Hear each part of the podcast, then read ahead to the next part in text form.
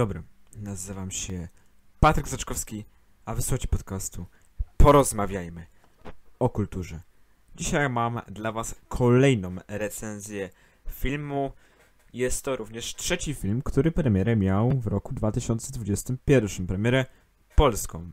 To jest ważne, bo na przykład e, ten film Palm Springs, czy film, który recenzowałem niedawno Fallen, to są filmy, które miały premierę festiwalowo, festiwalową już rok temu i miały premierę w Stanach, nie tylko w Polsce. W tym roku do kin, do polskich kin trafił film Palm Springs w reżyserii Maxa Barbakowa, który jest bardzo mało znanym reżyserem, głównie to jest jego taki pierwsza poważniejsza produkcja, a wcześniej wyreżyserował m.in. filmy Mamy I'm a Bastard.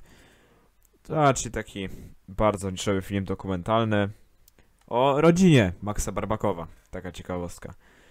Natomiast, już przechodząc stricto do filmu Palm Springs, film jest zaczerpnięty, pomysł do tego filmu zaczerpnięty jest z filmu Dzień Świstaka. Jeśli nie oglądaliście Dnia Świstaka, to pokrótce powiem mniej więcej o czym on jest. Jest to film, w którym główny bohater jest uwiedziony w petli czasowej i ciągle przeżywa i ten sam dzień. Jak się budzi, budzi się tego samego dnia. Tak naprawdę jest w pętli czasowej uwięziony, w którym ciągle, w której ciągle powtarza się jeden dzień. To tak pokrótce. I ten film bierze ten pomysł. Nie jest on zupełnie niczym nowym, już wiele filmów, seriali, też e, takich komedii serialowych, animowanych zaczerpnęło te pomysły. Tutaj bierze Max Barbakow i przerabia go na komedię. Komedię nawet romantyczną. A jak wiemy, komedie romantyczne nie zawsze wychodzą.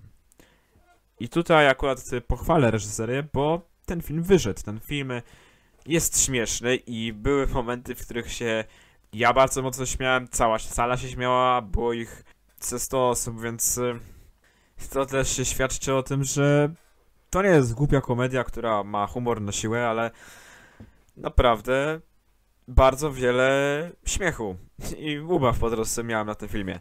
Tutaj też scenariuszowo, a scenarzystą jest Andy Ciara, również bawi się tym pomysłem i on tak naprawdę nie robi takich sztywnych ram, stara się prowadzić coś swojego, jakby coś od siebie, troszeczkę swojego, sw swojej osobi osobistości i wychodzi to bardzo, bardzo fajnie i bardzo przyjemnie i super się ogląda i świetnie się na tym filmie bawi. To jest e, taki większy plus, ale nie tylko scenariusz jest dobry, bo wiemy, że jak scenariusz jest dobry, to też musi być dobry, dobrzy aktorzy, żeby ten film był bardzo dobry. Tutaj tak jest. Andy Samberg, który gra główną rolę, rolę Nilesa, a Andy'ego Samberga możecie kojarzyć przede wszystkim e, z popularnego i dosyć wysoko ocenianego serialu Brooklyn Nine-Nine, w którym grał e, główną e, rolę. Grał też na przykład 7 dni w piekle, czy Popstar Never Stop Never Stopping. To są też takie filmy bardziej klasy B. Natomiast obok niego gra Christine Bellotti, którą e, możecie kojarzyć z filmu Jak poznałem waszą matkę, między innymi z, Wilku, z Wilka z Wall Street, czy z jednego odcinka Black Mirror, w którym grała z Jesse Plemonsem. To był taki odcinek science fiction. Jeśli oglądaliście, to na pewno wiecie, o który chodzi. I dwójka aktorów bardzo dobrze się sprawia, świetnie się ich ogląda, bardzo przyjemnie. Widać, że oni też nie są sztuczni, tylko się bawią pomysłem, bawią się scenariuszem i starają się też coś od siebie dodać, a nie tylko czytać z kartki. I tutaj też e, z castingu chciałem pochwalić e, jednego aktora, który nazywa się J.K. Simmons. J.K. Simmonsa możecie kojarzyć z Oscarowej roli w filmie Whiplash, w którym ja jestem e, zakochany, bo był tam ciężko opisać, bo był genialny, fantastyczny, rewelacyjny i wszystkie epitety no jedna z najlepszych ról w historii kina, w, moim, w mojej opinii. I tutaj, no nie jest to rola na pewno pokroju Whiplash i tutaj o wiele, przede wszystkim mniej czasu dostaje. Dostaje może 5-6 minut, co jest absolutnie za mało i, i jego duet J.K. Simmons i Andy Samberg jest najlepszą częścią tego filmu. Najlepiej mi się oglądało ich we dwójkę, najwięcej się przy nich bawiłem, najprzyjemniej mi się widziało tą dwójkę na ekranie i naprawdę szkoda, że mieliśmy ich w półtorej godziny filmie tylko 6-7 minut, bo świetnie się oglądało i chciało się więcej, nawet gdyby cały film byłby z tą dwójką, to myślę, że nikt by się nie, nie zanudził, ba nawet mógłby wyjść jeszcze lepiej niż z Christine Milotti. Więc szkoda, że tak mało miał do popisania jeszcze J.K. Simmons. Ale nie tylko on z roli, z ról drugoplanowych daje radę. Tak samo tutaj Meredith Hangner, która gra taką stereotypową blondynkę, głupią, też daje dużo humoru i nawet bym powiedział, że to ona jest y, sprawczynią tego największy, największego śmiechu na ekranie i bardzo przyjemnie się mnie się oglądało. Mimo, że jej rola no nie jest zbyt y, ambitna, a bardziej postać, która no, po prostu jest stereotypową, głupią blondynką. Tak jeszcze bym e, pochwalił w tym e, filmie zdjęcia, które są bardzo przyjemne.